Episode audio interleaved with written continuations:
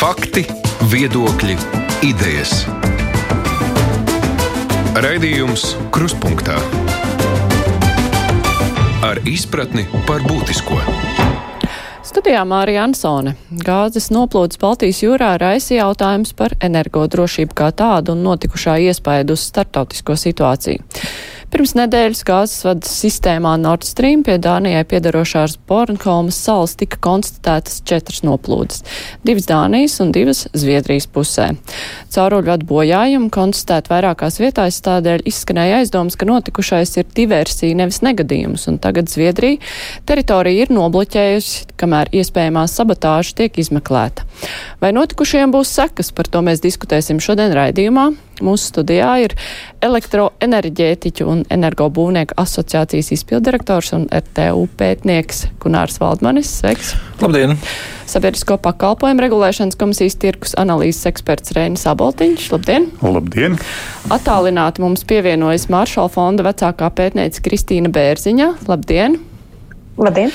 Un Latvijas transatlantiskās organizācijas ģenerālsekretāra Sigita Struberga. Labdien! Sveicināt. Jā, vispirms, nu tā tīri tehniski par šo te caurulvadu sistēmu, kur notika noplūde. Tur tā tad bija tehniskā gāze, tur nestrādāja. Nav tā, ka, ka pa šo gāzi bija piegādes kaut kādas uz Eiropu un uh, tagad tur kaut kas ir apstājies. Tur, kurš labāk no jums varētu to izstāstīt? Es varu pavisam fiksi, uh -huh. gan jau Gunārs varētu nokomentēt, bet principā tā Nord, vispār Nord Stream sistēma sastāv no četriem cauruļvadiem. Uh, divi cauruļvadi Nord Stream Nord Streamam un Nord Stream 2 arī divi cauruļvadi. Uh, kopējā kapacitāte vai jauda uh, bija pārvadīta apmēram 110 miljardus kubikmetru dabasgāzes gadā pa visiem četriem cauruļvadiem. Uh, lielākā, nu, tā, lielākā tehniskā problēma šī incidenta rezultātā bija tieši ar Nord Stream 2, kas bija arī piepildīts ar gāzi, bet tas vēl par to piegādes, komerciālas piegādes Gala punktā Vācijā nenotika. Nord Stream 1 ir cits stāsts, par to notika uh, dabasgāzes piegādes reāli. Nu, jau, jau, jau gadiem ilgi tās notika, kopš tas uh, tika nodots eksploatācijā. Tā kā, uh, daļēji tās piegādes tika traucētas, un daļēji netika traucētas. Vienkārši Nord Stream 2 ceļojot bija piepildīta ar dabas gāzi, lai uzturētu spiedienu un varētu principā, izmantot to tālāk komerciālām darbībām, tiklīdz tas būtu iespējams un nepieciešams.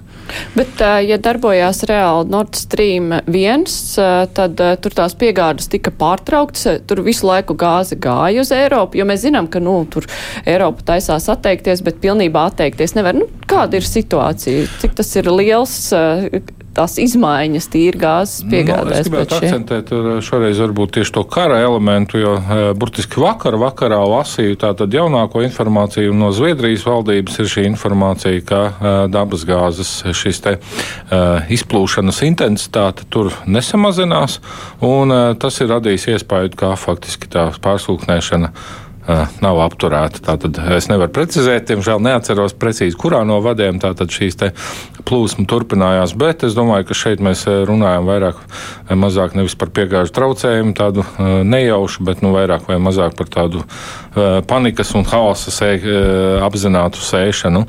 Ja mēs paskatāmies uz kopējo bilanci, tad Krievija šobrīd tiešām jau ir nokritusies ļoti tādam diezgan pieticīgam apjomam un paraugoties uz to, kā ir reaģējuši tirgi, dabasgāzes, tātad tirgi TTF, birža attiecīgi dabasgāzē, tad mēs redzam, ka pēc tāda ļoti īsa palēciena, faktiski šī cena ir nostabilizēs, nostabilizēsies gandrīz vēl zemākā līmenī nekā bija iepriekšējās nedēļās, pirms, iepriekšējā nedēļa pirms šī incidenta.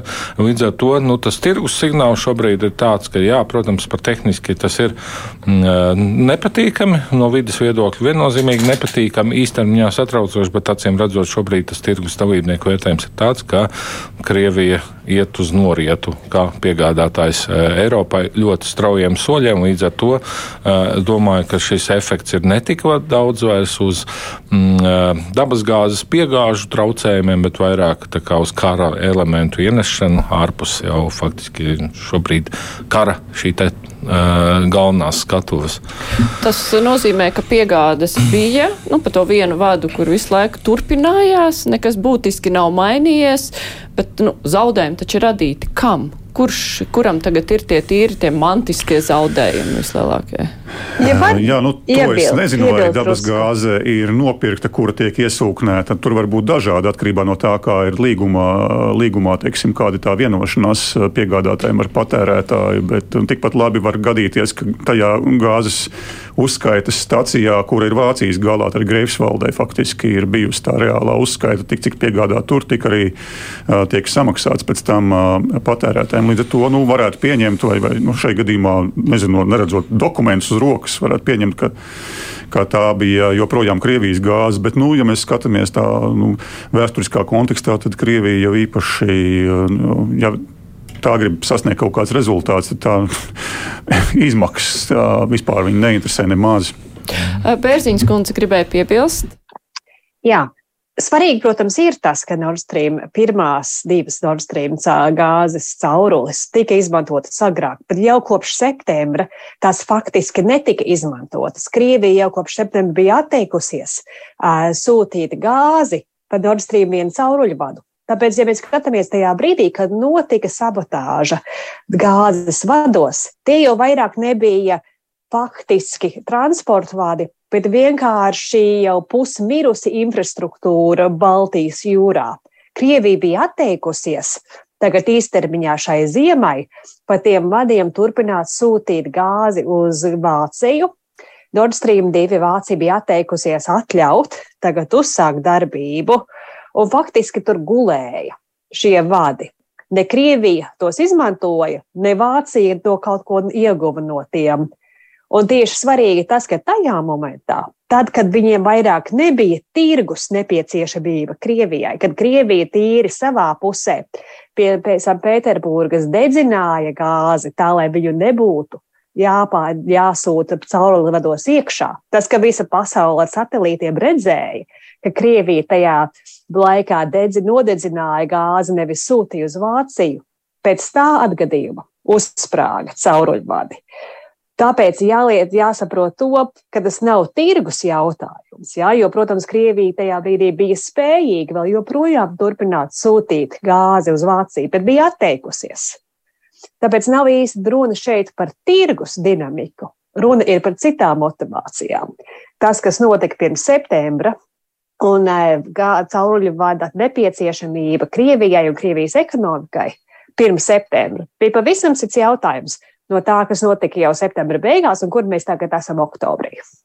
Bet e, nu, par tām citām motivācijām runājot, nu, Gunārs jau pieminēja panikas sēšana ir izdevies sēt paniku, jo, nu, kā rietumi to visu ir uztvēruši, pārsvarā tiek uzskatīts, ka tā droši vien ir Krievija, lai gan, nu, pierādīts tā kā nav, bet uh, vispār kāds rietumos pieļauj, ka tas bija, nu, gadījās tā. Vai tomēr ir skaidrs, ka, nu, Krievija un uh, ar kaut kādiem mērķiem, Pērziņas kundze? Nu, gala slēdzieni vismaz e, publiskajā telpā nav zināmi. Bet aizdomas, ka Krievija varētu būt e, kaut kādā veidā atbildīga par sprādzieniem, tādas visur. Tāpēc, kad ir e, kurš kuram vēl būtu iespēja, zināšanas par to, kur ir cauruļvadi, iespēja piekļūt pie tiem vadiem divās dažādās vietās, nevis, ka tas viss vienā vietā ar vienu sprādzienu tika izdarīts, bet tas, ka Nord Stream 1 un Nord Stream 2, tur, kur bija šie sprādzieni tomēr liels attālums starpā. Tātad tur ir arī jābūt kapacitātēm, lai varētu kādus tādu uzbrukumu veikt. Un tad kurš no tā iegūst? Un jāskatās, ka vienlaicīgi tajā pašā dienā, kad bija sprādzieni, atvēra jauno gāzes vadu no Norvēģijas uz Poliju. Un tā, tādā ziņā motivācijas arī izskatās, nu, sakritība interesanta, varētu būt tieši politiska motivācija. Bet kā rietumi reaģē, nu, tad ir jāsāk vairāk uh, apsargāt visu kritisko enerģētikas infrastruktūru. Jāpielieto kras, krasta apsardzi, jūras spēkus un jāvaktē, kas notiek jūras zelnē, kas notiek krastā, kā apsargāt labāk ostas. Tādi ir tie jautājumi, kas šobrīd ir aktuāli. Strupērks kundze, nu runājot par ieguvumiem un zaudējumiem, nefinanciāliem, bet politiskiem, tad kādi, kuriem ir pēc šī incidenta, ja to tā var nosaukt? Nu, ja mēs runājam par, par, par politiskajiem zaudējumiem, tad neapšaubāmi no vienas puses Krievija arī būs zināmā mērā zaudētāja, kārtējo reizi pasvītrojot savu neparedzamību. Bet vienlaikus šai ziņā es atbalstu to ideju, ka tiešām rietumos liberālās idejas pārstāvji nu, kārtējo reizi varēja apzin, apzināties to, ka viņi ir kļūdījušies tajā aspektā, ka, ka tirzniecība un savstarpēja atkarība Krievijai nav arguments, un tā nav veicinājusi ne mieru, ne draudzīgumu. Tas, kas man šķita interesanti šajā sakarā, bija Vācijas reakcija, jo Vācijas lielākajos laikrakstos bēdājās nevis par to, ko Bēziņas kundze pieminēja, ka mums ir jāsāk domāt, kā stargāt infrastruktūru, bet viņi bēdājās, ka nevarēs vairs lietot šo infrastruktūru, kas bija izbūvēta ar Krieviju. Ja? Kas arī parāda zināmā mērā šīs, šīs valsts nu, iekšējo diskusiju. Vienlaikus ir jāsaka, ka neapšaubāmi ilgtermiņā Eiropa būs ieguvēja, ja tās spēs šobrīd efektīvi reaģēt.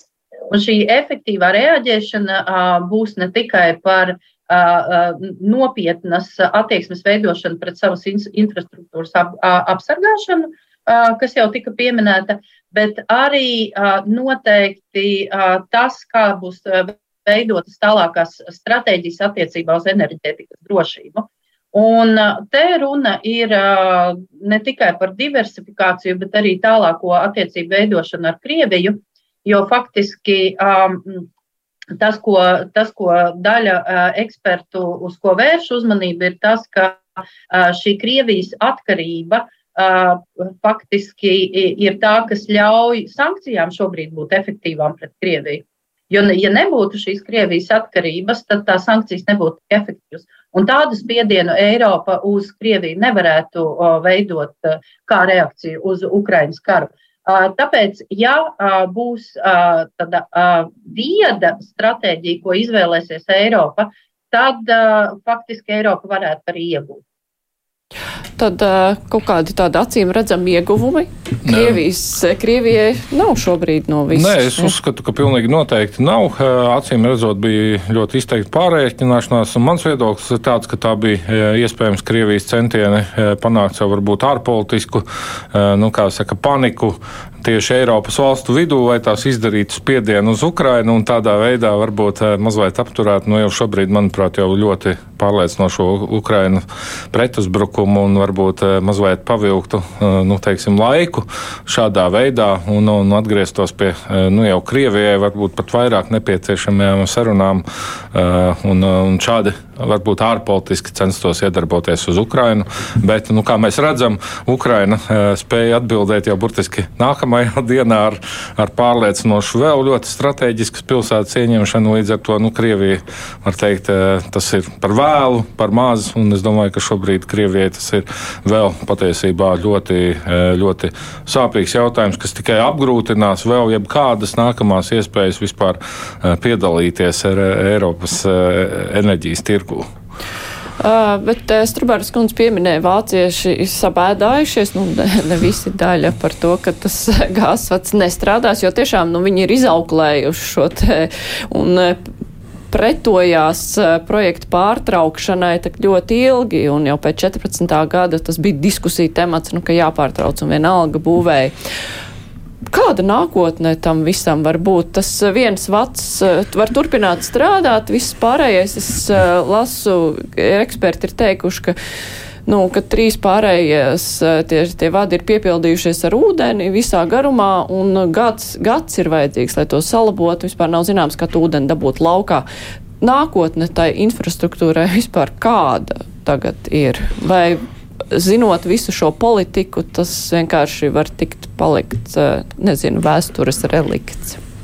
Ja, nu, protams, ja mm, ir kāds tilpums, kurā ir bijusi iekšā gāzveida viela, un tas tilpums ir zem ūdens, un tad šī gāze iziet ārā, tad tur tukšums nepaliek. Protams. Līdz ar to var pieņemt, ka nu, vai viss cauruļvats vai tur kaut kādas gāzes um, paliekas ir iekšā atkarīgs no tā, kas tur tām kompresoru stācijām un vai ir, uh, vai ir kādas avārijas iespējas noslēgt posmus un tā tālāk, vai arī tas tiešām ir nu, teikt, no kompresoru stācijas Krievijā līdz kompresoru stācijai Vācijā ir viss tagad pilns simtprocentīgi ar ūdeni. Nu, tā ir diezgan liela, protams, kubatūra un, lai to dabūtu ārā, tur ir, nu, es neņemos spriest, es neesmu gāzes pārvades infrastruktūras eksperts, eh, nu, tādā izpratnē tehniskais eksperts. Jā, es nezinu, cik daudz vai gadu vai, vai varbūt pusgadu, bet skaidrs ir tas, ka tas prasīs, tas radīs milzīgas eh, izmaksas. Ja vispār kāds nopietni vēl eh, lems izmantot šos cauruļvadus, ne, mēs varam pieņemt, protams, tīri strateģiski nākotnē, ka šis projekts, ja gadījumā Krievijā mainās situācija un Krievija pēkšņi vai, vai netik pēkšņi kļūst par, par valsti, kurā pie varas ir saprātīgs uh, režīms, kas normāli miedarbojas ar saviem iedzīvotājiem un arī ar uh, citām pasaules valstīm, tad šie cauruļvadi varētu atkal sākt spēlēt kaut kādu zināmu lomu. Bet šobrīd, nu, šobrīd ir skaidrs, ka Nord Stream. Uh, um, Nord Stream, kas bija būvēts kā šis instruments uh, cīņai ar, ar trešajām valstīm no Krievijas puses, uh, ka tas, ir, uh, nu, tas vairs nav lietojams tie subjekti, pret kuriem šī, šis instruments tika vērsts, šo, nu, atvainojos, neņem galvā, ir vienkārši diversificējuši savus riskus un atraduši citus piegādes ceļus vai vēl meklē. Un ka tas nav nostrādājis, jo es vienkārši pārsteigumos atgādināšu, tad, kad 2000. gadu beigās sākās šīs runas par to, ka uh, Nord Stream vispār ir jābūvē, tad uh, visi aiz gūtnēm, tie, kur bija liksim, Krievijas pusē, teica, ka vajag draudzēties ar Krieviju, tad viss būs labi, un ka šis ir kritiski svarīgi Eiropas gāzapgādēji, lai gan uh, ir svarīgi saprast un atcerēties, ka tieši tas gāzes apjoms, kāda tagad Nord Stream, uh, par Nord Stream cauruļvadiem četriem šiem te vairs nevar piegādāt. Tieši tāds uh, dabasgāzes apjoms tika piegādāts, uh, tas bija maksimālais apjoms, ko var piegādāt caur Ukrainas, caur Ukrainu izliktajiem sauszemes cauruļvadiem. Tas bija viennozīmīgi ģeopolitisks instruments. Ne, tur ekonomiskais pamatojums tur bija visai maz, lai gan, protams, kā aiz gūtnēm šī Nord Stream projekta atbalstītāji stāstīja par to, ka tas ir tīri ekonomisks projekts un tur nav nekā ģeopolitiska. Nu, protams, ka Krievija strādāja visus šos 20 gadus uz to, lai izgrieztu Ukrainu ārā no jebkādas iespējas ietekmēt situāciju, no jebkādas nozīmīguma, no jebkādas nozīmīgas lomas starptautiskajās attiecībās Eiropā.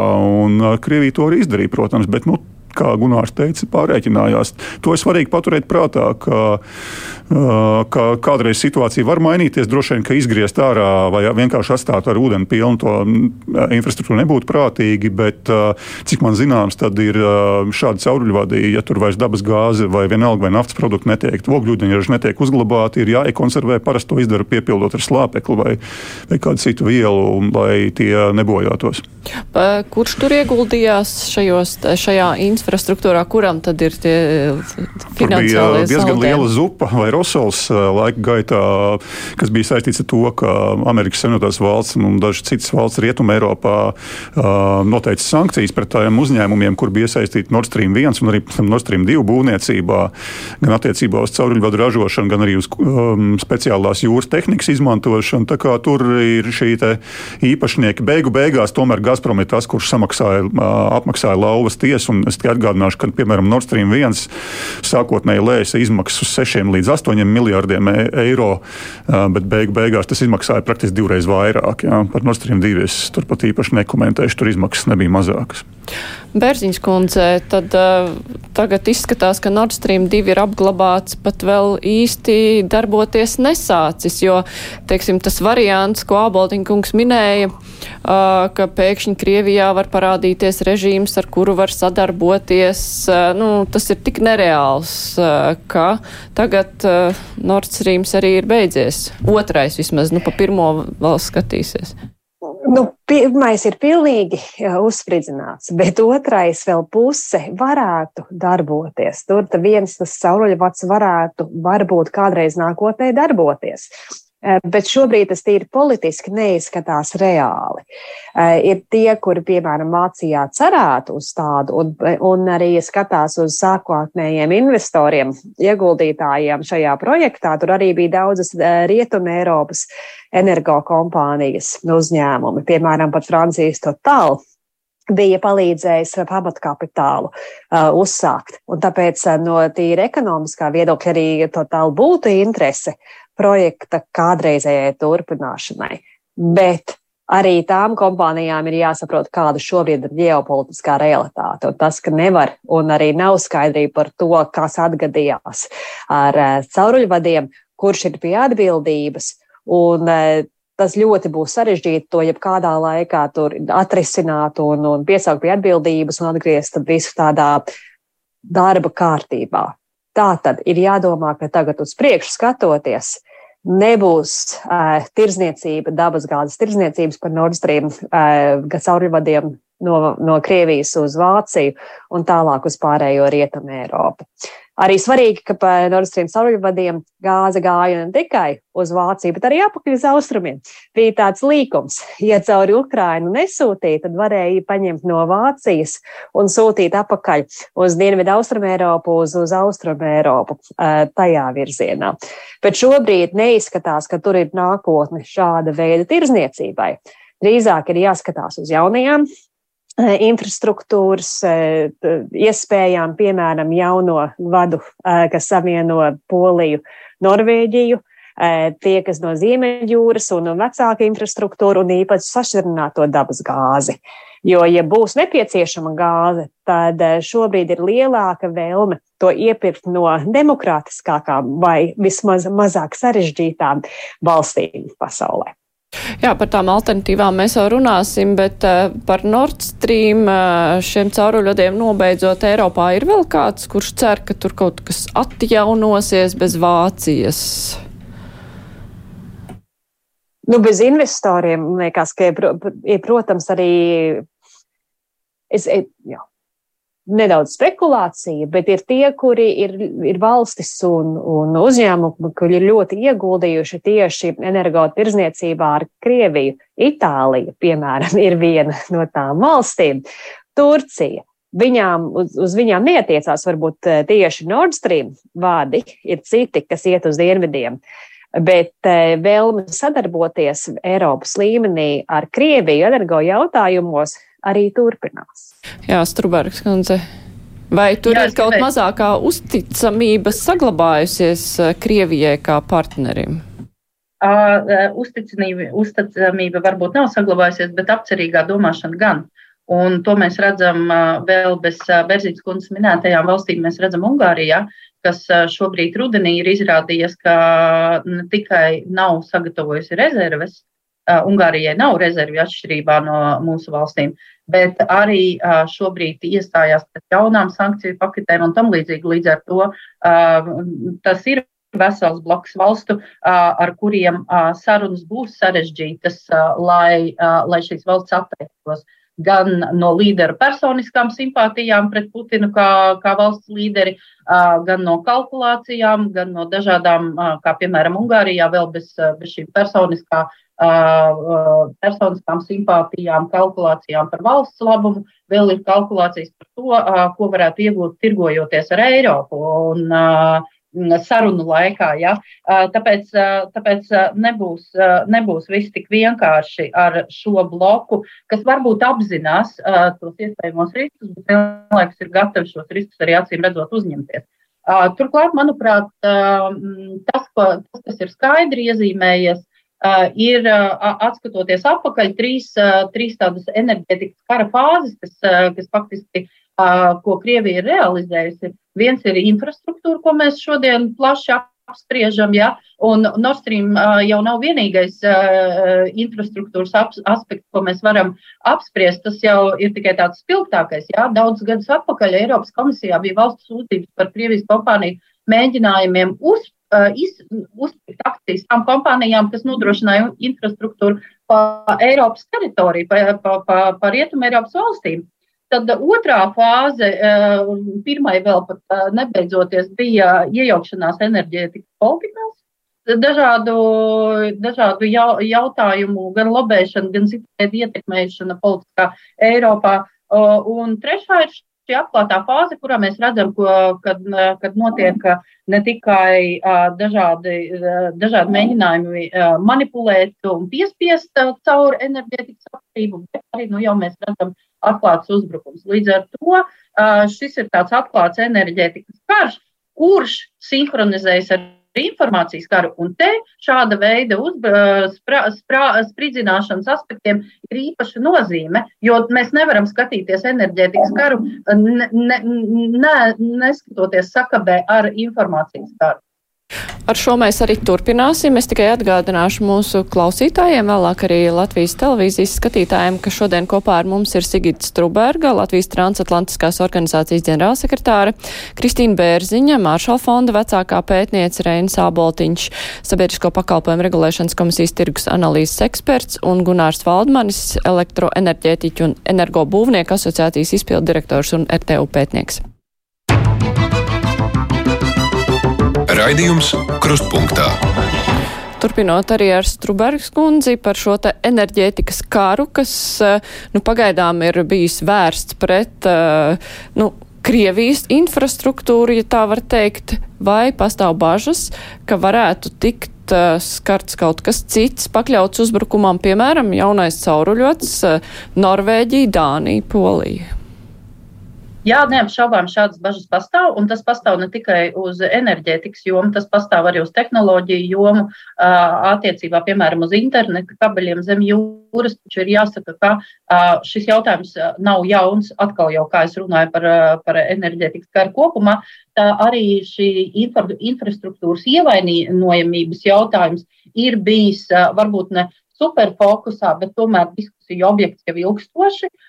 Un jau vasarā šīs bažas palielinājās līdz ar gan Krievijas zemūdeņu manīšanu ūdeņos, kas ir tuvu infrastruktūrai, gan dronu manīšanu. Līdz ar to tas nav kaut kas, kas parādījās pēkšņi. Bērziņas kundze, vai tam ir pievērsta pien, pienācīga uzmanība, respektīvi, nu, pamanīts ir, fiksēts ir, bet kaut kādi pretpasākumi vai pietiekoši ir veikti, vai neviens negaidīja, ka nu, būs tā vienkārši ņems un spridzinās? Negaidīja, ka tieši šīs, eh, šo infrastruktūru uzspridzinās, bet par bažas par Krievijas aktivitātēm zem jūras, īpaši attiecībā uz datu kabeļiem un vadiem, īpaši, kas savieno Eiropu un Ziemeļameriku, par to jau gadiem ir bijusi runa valdības un aizsardzības aprindās bet par to ir bijušas lielas bažas, tādas, par kurām nevēlas pārāk publiski arī paust savus viedokļus. Bet es teikšu, ka gadus, nu, piecus par to jau ir bijis liels satraukums. Tas ir izsakots, un par to ir arī tagad ir, ir plānoti novēršanas pasākumi un arī tīri izsakošanas pasākumi. Un tad, tāpēc arī ir jautājums, kādā veidā mēs nodrošinām ne tikai enerģētikas kritisko infrastruktūru, bet tieši informātikas telpas kritisko infrastruktūru. Pēc pandēmijas mēs esam palikuši īpaši atkarīgi un pieraduši tieši strādāt neklātienē, savienot diskusijas viens ar otru, vēl finanšu sistēmu, vispārējais. Ja to kādā veidā ietekmētu, pārautu, būtu kritisks trūkums mūsu sabiedrībās un mūsu ekonomikās. Bet uh, vai šo drošību nu, garantēt ir viegli vai grūti, jo, ja mēs tā tīri praktiski iedomājamies, jūra, dziļumi milzīgi, nu, tās eh, visu izsakot ir grūti, un ja reiz eh, šajā gadījumā ir tomēr, nu, kaut kā tie diversanti tikuši pie Nord Stream klāt, un tie bija Zviedrijas un Dānijas ūdeņi, tas nozīmē, ka, nu, nepamanītiem tur ir viegli, pietiekoši viegli parādīties. Tad, uh, Kā tur vispār strādāt ar to, vai ir skaidrs? Tā ir bīstama situācija, bet, un tāpēc vajag vairāk tieši pievērst uzmanību, izsakot šo draudu arī attīstību. Nav skaidrs risinājums tam. Strubāras kundze. Jā, nu tieši tas ir ticis atzīmēts, ka šī ir tā ievainojamākā vieta, kurai ir ārkārtīgi grūti izsakot. brīžiem pat neiespējami. Un tāpēc arī, lai arī diskusijas ir bijušas ilgstošas par šo vārīgumu faktisko, vienlaikus tādi efektīvi risinājumi, kā mēs redzam, nav tikuši piedāvāti, un līdz ar to diskusijas turpinās, bet es nedomāju, ka mēs arī varēsim tuvākajā laikā vai pat vidējā termiņā justies simtprocentīgi droši šajā jomā. Jūs jau pilnīgi pamatot norādījāt gan uz, jū, gan uz jūras dziļumu, gan uz uh, grūtībām uh, novērot arī ūdens virsmu gal galā. Nu, ja tie ir pielietotie droni, ja, tad tos nemaz tik viegli nevar redzēt, ja tie ir nelieli droni. Uh, tāpēc te, te ir virkni izaicinājumu. Un starp citu, kas ir interesants, ir parādījies nu, negluži enerģētikas sakarā. Krievijas sociālajos tīklos opozīcijas pārstāvji ir uzsākuši diskusiju par uh, Kurskas dubultnieka tātad atjaunošanas darbiem un jautājumiem par to, kur šobrīd atrodas zemūdene, kas ir ārkārtīgi salīdzinoši klusa un ar ko tā nodarbojas. Un, un te atkal jau Krievijas zemūdens ir manītas, tāpēc te būs daudz izaicinājumu un te nebūs vienkārši risinājumu enerģētikā ir tādi drošības, eh, nu, kā teikt, risināti drošības jautājumi šai jomā, vai tas ir atļauts, atstāts, nu, valstu pārziņā?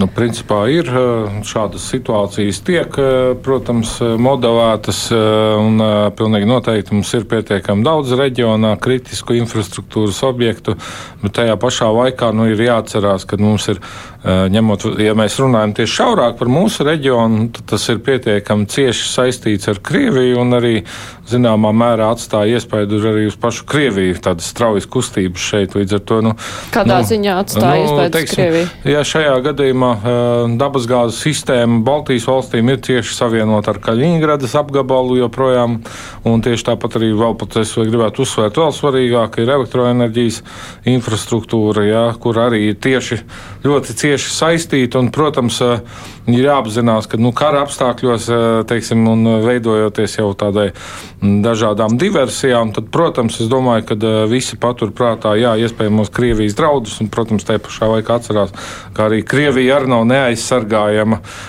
nu, teiksim, un, un, un, un neievainojama, nu, kā pierāda Ukrainas kara, mm, kara šeit pierā, nu, prakse. Tad, protams, arī, nu, arī tur gadās, piemēram, neuzmanīgi smēķēt ražotāji naftas bāzēs un tam līdzīgi. Un tāpēc ir mm, šādi drošības izaicinājumi. Tas nav tikai tas, ka mums ir jāuztraucās par, manuprāt, Krievijas agresija, bet tai pašā laikā drīzāk jāuztraucās par kopēju eskalāciju. Jo es domāju, ka arī Eiropas valstīs, un, eh, protams, ir zināmas kaujas spējas un arī vajadzības gadījumā diversijas spējas. Līdz ar to nevajadzētu varbūt tā raudzīties uz to kā upuriem.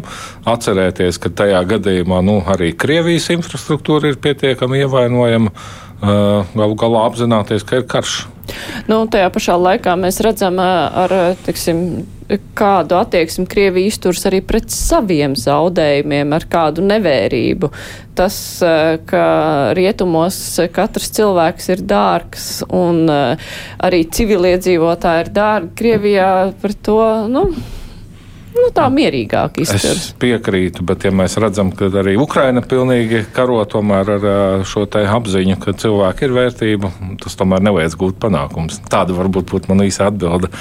Bet tas jau nebūs vairs saistīts ar enerģētikas infrastruktūru, bet Ukrainā, starp citu, ir ļoti šobrīd var iegūt vērtīgi daudz pieredzes arī kā organizēt faktiski šo te apgādi jā, krīzes apstākļos.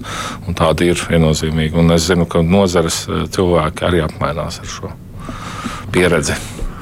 Droši vien, ka radioklausītājiem, radioklausītājs nomierinātu informācija vai, vai tā zināšana, ka katrā valstī, kurā ir enerģētikas infrastruktūra, ir nu, teiksim, tāda augstas, augsta jutīguma vai augstas nozīmības infrastruktūra un, un ir pārējā infrastruktūra, bet šī īpaši nozīmīga infrastruktūra tiek apsargāta, ir speciāli plāni un protokoli, algoritmi vietā, kā šī infrastruktūra tiek apsargāta, kā notiek informācija informācijas apriti, kā informācija tiek dublēta, kāda informācija vispār nenonāk publiskajā telpā un, tā, un kā tīri fiziski, protams, notiek tā uzraudzība. Un, cik man ir zināms, tad pēc Krievijas iebrukuma Ukrainā, ņemot vērā arī Krievijas šos te kara darbi, kara vešanas taktiku un paņēmienus, kas visai, visai attālu šobrīd ir no tā, kā, kā paredz humanitārās jeb kartiesības, tad šī infrastruktūra arī Baltijas valstīs tiek pastiprināta, apsargāta un ne tikai Baltijas valstīs. Tā kā nu,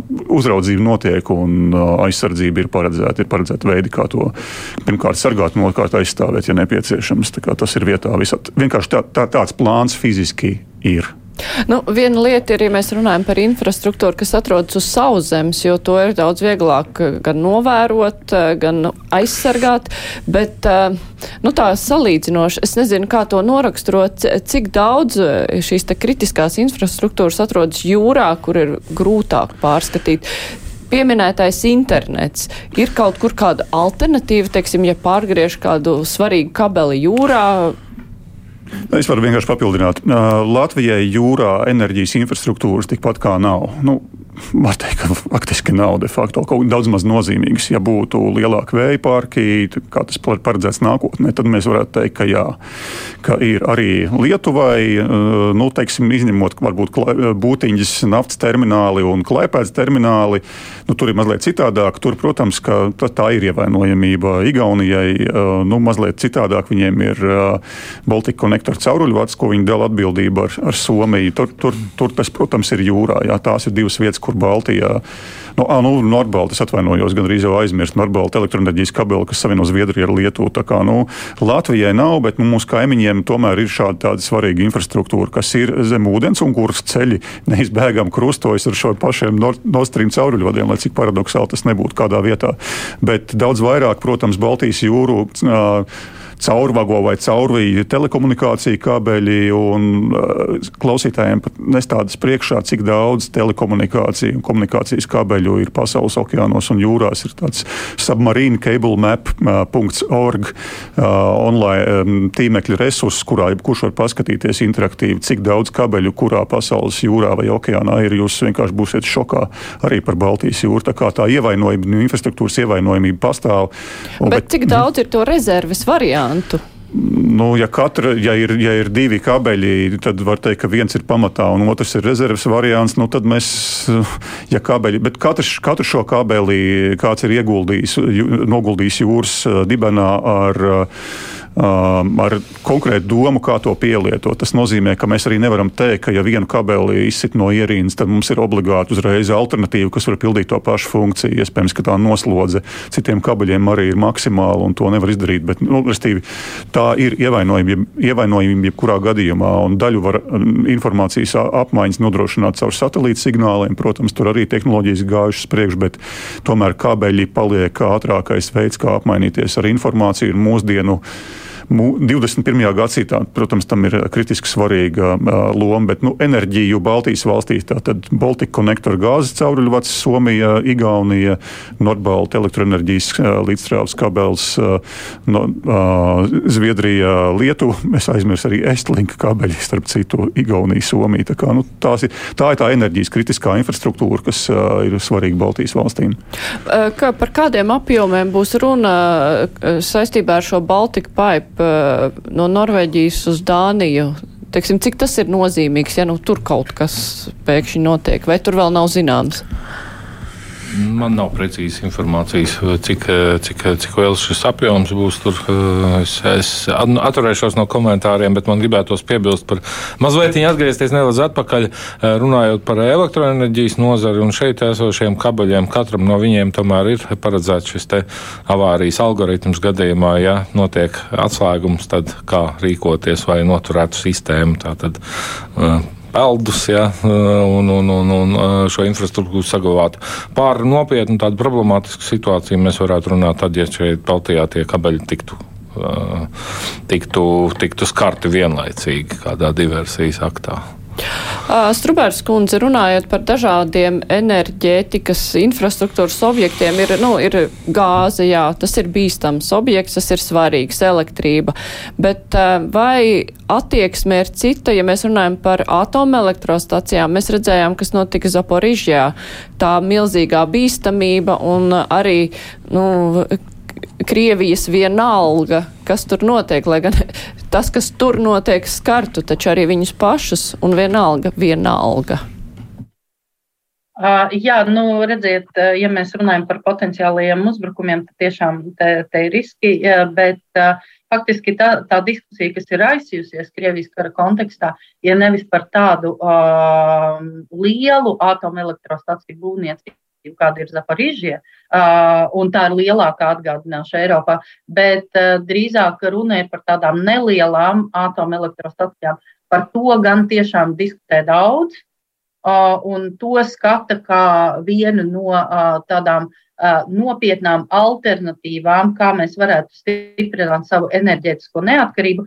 Un turklāt tas, zināmā mērā, iet arī kopā ar Green Deal uh, to diskursu. Uh, Un tāpēc, tāpēc šobrīd es domāju, ka tas tiks skatīts, un valstis ļoti nopietni jau kalkulē par nelielu atomelektrostaciju izbūvi savās teritorijās. Tas ir interesanti, ņemot vērā to, ka, ja mēs atceramies kopējo attieksmi pret atomenerģiju, tad uh, iepriekš mēs vērojām pretēju kursu, ja, domājot par uh, slēgšanas vietu. Um, tomēr šobrīd noteikti es uh, neatļautos to izmest uh, no, uh, no dienas kārtības un teikt, ka, ka nē, tā nebūs alternatīva. Tā būs alternatīva. Uh, līdzās tam uh, tiks uh, nopietnāk domāts arī par vēju un sauli. Pilnīgi noteikti. Uh, vienlaikus ir jāsaka, ka te atkal, domājot par lielo ģeopolitisko situāciju, tas, uh, tās lielākās bažas ir par to, ka mēs faktiski no vienas atkarības ejot prom, krītam citā atkarībā, un starp citu atkarībā šobrīd izskatās, ka no cita nedemokrātiska režīma šobrīd Eiropas Savienība ir at, a, a, a, a, ap, aptvērusi, ka faktiski šī atkarība no Ķīnas pa, eventuāli var palielināties, un tāpēc, tāpēc šīs arī būs diskusijas. Tā, nu, tā, un šo diskusiju sakarā arvien vairāk tas, ko mēs dzirdam starp ekspertiem un politikas veidotājiem, ir jautājums par to, kā atgriezt industrijas, kas ražo, piemēram, saules baterijas, atpakaļ Eiropā, lai neradītu uh, šīs atkarības. Eiropas Savienība skatās arī uh, uz uh, jaunu, uh, jaunu tiesiskā regulējuma virzienā. Piemēram, Fonderlajena septembra vidū izte, ir izteikusies par jaunām iniciatīvām. Iespējams, tiks arī veidots akts, kas ir par kritiskajiem neatjaunajiem resursiem, angliski Critical Raw Material Act, kas tad fokusēsies gan uz litiju, kas ir nepieciešams tām baterijām, ja, gan citiem, citiem neatjaunojumiem resursiem un veicinātu to pieejamību Eiropas Savienības valstīm, lai uh, mēģinātu uh, domāt par uh, enerģijas resursu diversifikāciju, vienlaikus neiekrītot jaunās atkarībās. Bet nu, to vicināšanos ar ieročiem blakus Zaporižjai un kā arī vicināšanos vienkārši ar atomieročiem rietumu uztver kā šantāžas elementu Bērziņas kundze vai nu, kaut kādu tādu ļoti, ļoti reālu draudu? Gan tā, gan tā. Daudzi uztver to kā šantāžu, jo vai nu tiešām Putins tā darītu. Un ļoti arī vaktē, piemēram, attiecībā uz kodolieročiem, to kustību Krievijā. Vai tas ir tikai retorisks drauds, vai notiek arī kāda kustība, vai kādas mācības, vai notiek reāla pielietošana, aktivitāte tur, kur glabājās kodolieroči. Un līdz šim tā īsti nopietna kustība nav bijusi, un tāpēc tā tiek uzskatīta par šantāžu, par retorisku. Bet ir īpaši, es teiktu, Rietumē Eiropā lielas bažas par to, ka tas varētu būt reāls drauds. Un e, visa, vispār visas attiecības ar Krieviju aizsardzības jomā tiek vērtētas Vācijā un, un e, Francijā ar skatījumu, ka, tomēr, ka Krievija ir, ir kodolieroču spēks, atomu spēka valsts, un ka attiecīgi ir ārkārtīgi piesardzīgi jāveido attiecības ar Krieviju. Un arī šis kodola draudz ietekmē to, cik ļoti šīs Eiropas lielvalstis vēlās palīdzēt Ukrainai sakaut Krievijas spēkus. Strupārs kundze. Jā, te es gribētu lūdzu papildināt, ka arī ASV ļoti nopietni uz to skatās jautājumu.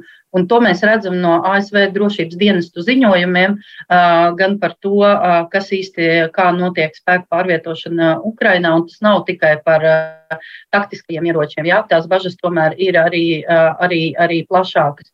Un mēs redzam, ka ASV drošības dienesti ļoti, ļoti skatās arī uz to, to, to ieroču veidu pārvietošanu. Un te ir bijusi, zinām, spēku atvilkšana atpakaļ uz Krieviju, kas varētu tikt izmantoti tā skaitā arī šiem ne, nelielajām kodolgalviņām. Tāpēc to uzmanīgi vēro.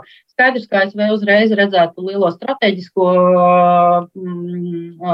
lidmašīnu pacelšanu, ja, bet vienlaikus, vienlaikus tiek rūpīgi domāts arī par to, ka tas varētu būt arī citi nelieli risinājumi. Turklāt, manuprāt, mums visu laiku vajag atcerēties par to, domājot ar optimismu par kodola draudiem, ja, ka līdz pat 24. februārim visi kā mantu, at, mantru atkārtoja to, ka ne nu Krievijai jau ir mācības, Krievija jau neiebruks, Ukraiņi paši ne līdz galam tam ticēja.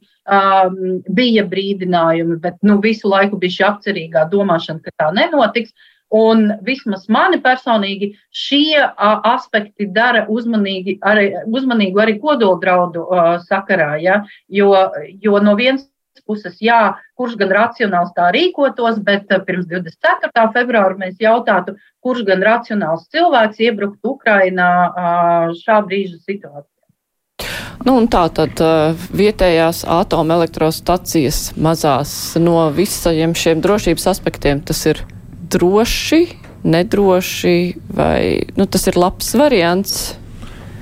Mans viedoklis ir tāds, ka, nu, principā, ņemot vērā visu šo gaisotni, tas ir tikai viens instruments. Jebkurā gadījumā, ja kāds tātad nelīdzsvarots ārpolitikas spēlētājs vēlās radīt šādus kodola draudus, tad tas atom, atomenerģētika būtu tikai viens instruments, kuru ļoti viegli var aizstāt arī ar parastu kodola galviņu. Tāpēc baidīties par to, ka tas ir kaut kas ļoti kritiski bīstams, nebūtu vērts.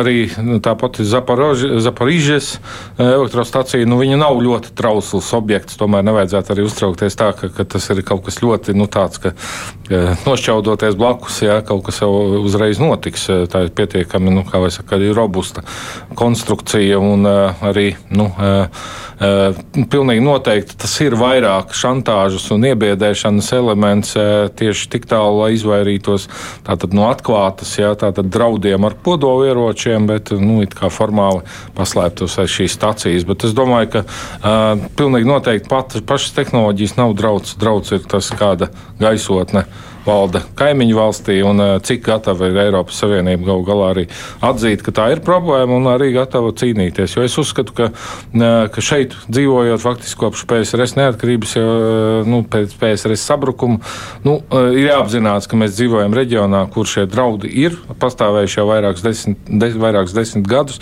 un viņi nekur nav pazuduši. Cits jautājums eh, par atomelektrostaciju būvniecības izmaksām. Vienkārši tā problēma jau būtu tā, ka nu, pat ja tu neiznīcini pilnībā to kodola spēkstaciju, atomreaktoru un ne, neizraisa milzīgu noplūdi, radioaktīvo vielu noplūdi, tad vienkārši tur rada milzīgas ekonomiskas zaudējumus eh, līdz ar šīs stacijas izvešanu no, vai, vai sabojāšanu. Tur ir investēti miljārdu, miljārdi, un ja tā tiek iznīcināta šāda spēkstacija, tad tas ir ne tikai viens drauds videi un cilvēkiem, bet uh, tas ir, protams, protams, arī ekonomiski diezgan nopietnas trieciens, bet es varbūt atļaušos pieminēt vienu, vienu lietu. Uh, Par gāzi mēs runājām diezgan daudz par caurvadiem, un mēs pieminējām garām ejot to, ka tirgi pārorientējas. Es domāju, ka ir vērts varbūt dažus skaitļus nosaukt, kas nav jāpieraksta, bet ko ir vērts paturēt prātā pasaulē. Tad alternatīva cauruļvadu gāzei ir uh, sašķinātā dabas gāze, jeb LNG, ko mēs tautā sakam LNG. Šie LNG, uh, LNG tiek pārvadāti ar kuģiem, speciāliem tankeriem, un šobrīd pasaulē 2021. gada beigās, nu jau būs vairāk, bija 641 viens LNG tankers, dažādu izmēru, bet 641. Tas nav tā kā 20 vai 30. Tas ir nu, krietni pāri pustūkstotim. 2021. gadā, reaģējot vispār uz konjunktūru enerģijas tirgu, nāca klāt 64 jauni tankeri. Šobrīd, 2022. gada sākuma, pirmā, līdz pirmā ceturkšņa beigām, bija pasūtīti no, dažādi komersanti, kur nodarbojas ar LNG pārvadājumiem, bija pasūtījuši un tika būvēti 216 jauni tankeri. Mēs zinām arī, ka ir, pasaulē šobrīd ir 45 aktīvi kuģi, kas ir tā saucamie FSRU, jeb peldošās uzglabāšanas un regazifikācijas vienības, jeb kuģi. Tāds arī viens mums klaipēdā ir un tāds arī mazākas jaudas būs arī vai nu Somijas vai Igaunijas pusē uh, LNG terminālā. Tā kā nu, nav tā, ka tirgus uh, nereaģē, tirgus reaģē un tas, ka ir šis order book vai, vai pasūtījumu grāmata saraksts ir uh, būtiski izaudzis arī 2022. gada pirmajā pusē. Tas vienkārši pa, parāda, ka uh, tirgus arī reaģē un tirgus reaģē absolūti racionāli. Un vēl viena, protams, nianse. LNG tas ir labi, bet jāatcerās, ka vairāk kā 50% no pasaules LNG aiziet uz Japānu, Dienvidkoreju un Ķīnu. Un Eiropa nebūtu nav tas lielākais tirgus, uz kuri visi metas piegādāt savu LNG. Nu, tas ir tas risks. Līdz ar to šis ir aspekts, gan, kur ienāk iekšā varbūt šīs starptautiskās ģeopolitiskās attiecības, kur Ziemeļamerikas un Eiropas Savienības uh, cieša sadarbība ir kritiski svarīga. Bet no tā rezumējot, tad uh, drošākā ene, no energodrošības viedokļa vislabākā ir ražošana enerģijas tepat uz vietas, nu, lai nav tas garais piegādes ceļš. Mm tā arī uz to var skatīties. Protams, internetu mēs uz vietas. Energoefektivitāte un atjaunīgi energoresursi, saulē, vējš un viss, ko tu vari izmantot saprātīgi ar zemu pašizmaksu pēc iespējas daudzveidīgāks portfelis eh, no, no visiem viedokļiem, gan no geogrāfiskā, gan no ražošanas veidiem. Jo, protams, ar pieaugot, eh, pieaugot atjaunīgiem energoresursiem, mums, protams, arī ir eh, vajadzīgs aizvien vairāk arī tas apjoms, ar ko kaut kā kompensēt tās, tās dienas, kad saules nav. Vai arī naktas stundas, vai arī bezvēja laiku, un, un, un, un attiecīgi papildus nāks noteikti klāt Atjaunojamā metāna ražošana, uh, ūdeņraža ražošana, pilnīgi noteikti. Es domāju, ka ir iegūsi papildus grūdienu arī kara rezultātā, vispār kā pārkārtošanās kara rezultātā, manuprāt, ir ļoti strauja un, uh, un tā pātrinās ļoti daudz šos procesus. Un, uh, ja runājam par kodolenerģiju, tad faktiski jau lielākais attīstības uh, varbūt šķērslis ir bijusi, nu, es teikšu, arī sabiedrības alkatība un vēlme saņemt pēc iespējas lētāk faktiski diezgan nereālistisks, varbūt arī priekšstats par to, cik būtu jāba, jāmaksā vispār enerģija. Es domāju, ka tas ir arī mērķiecīgi virzīts process, kas varbūt bijis arī, nu, arī zināmā mērā Krievijas pirksts, tātad lētās enerģijas, nu, šis te uh, sieras peļu slazdā. Nu, uh, patiesībā ir jāsaprot, ka jebkurai enerģijai jāmaksā tik daudz, vai tā būtu tomēr ilgspējīga, gan ekonomiski, gan no vidas viedokļa, un jebkurš cits risinājums tomēr ir, uh, nu, pēc būtības vairāk vai mazāk sevis apzakšana, ātrāk vai vēlāk. Un es domāju, ka tagad varbūt krīzes apstākļi ir tas, tas viens moments, kad faktiski arī sāks novērtēt ne tikai varbūt, tīrās izmaksas, kas ir lētāk, bet arī nu, teiksim, daudzveidību, gan apzināsies, ka struktūrai ir jābūt pietiekami diversificētai, gan arī jābūt arī tam pašam nu, teiksim, noturības spējai un uh, arī vides tātad, uh, šim te aspektiem. Tātad es domāju, ka, ka šobrīd mēs esam ļoti lielu pārmaiņu priekšā saziņā. Jā, nu ir par ko padomāt. Es saku paldies eh, Kristīna Bērziņa no Māršala fonda, Sigita Struberka no Latvijas transatlantiskās organizācijas bija šodien kopā ar mums, arī Reinis Āboltiņš eh, no Sabiedrisko pakalpojumu regulēšanas komisijas un Gunārs Valdmans no elektroenerģētiķu un energobūvnieku asociācijas. Paldies! Rīt kruspunktā politiskā diskusija pēc vēlēšanām. Mēs zinām, ka Valdību jau sāk veidot, nākamo sarunas notiek, valsts prezidents arī ir izteicis savas vēlmes, ko viņš grib, lai izdara jaunā koalīcija, kādu valdību tad viņš apstiprinās ar ļoti labi izstrādāto koalīcijas līgumu. Tad, nu, rīt eh, kolēģis Aits Tomsons kopā ar ekspertiem analizēs gan vēlēšana rezultātus, gan arī valdības veidošanas procesu. Nu, Droši vien arī prognozēs kaut kādus iznākumus. Es saku paldies raidījuma producenti Revi Junām, studijā bija Mārija Ansona. Visu labu!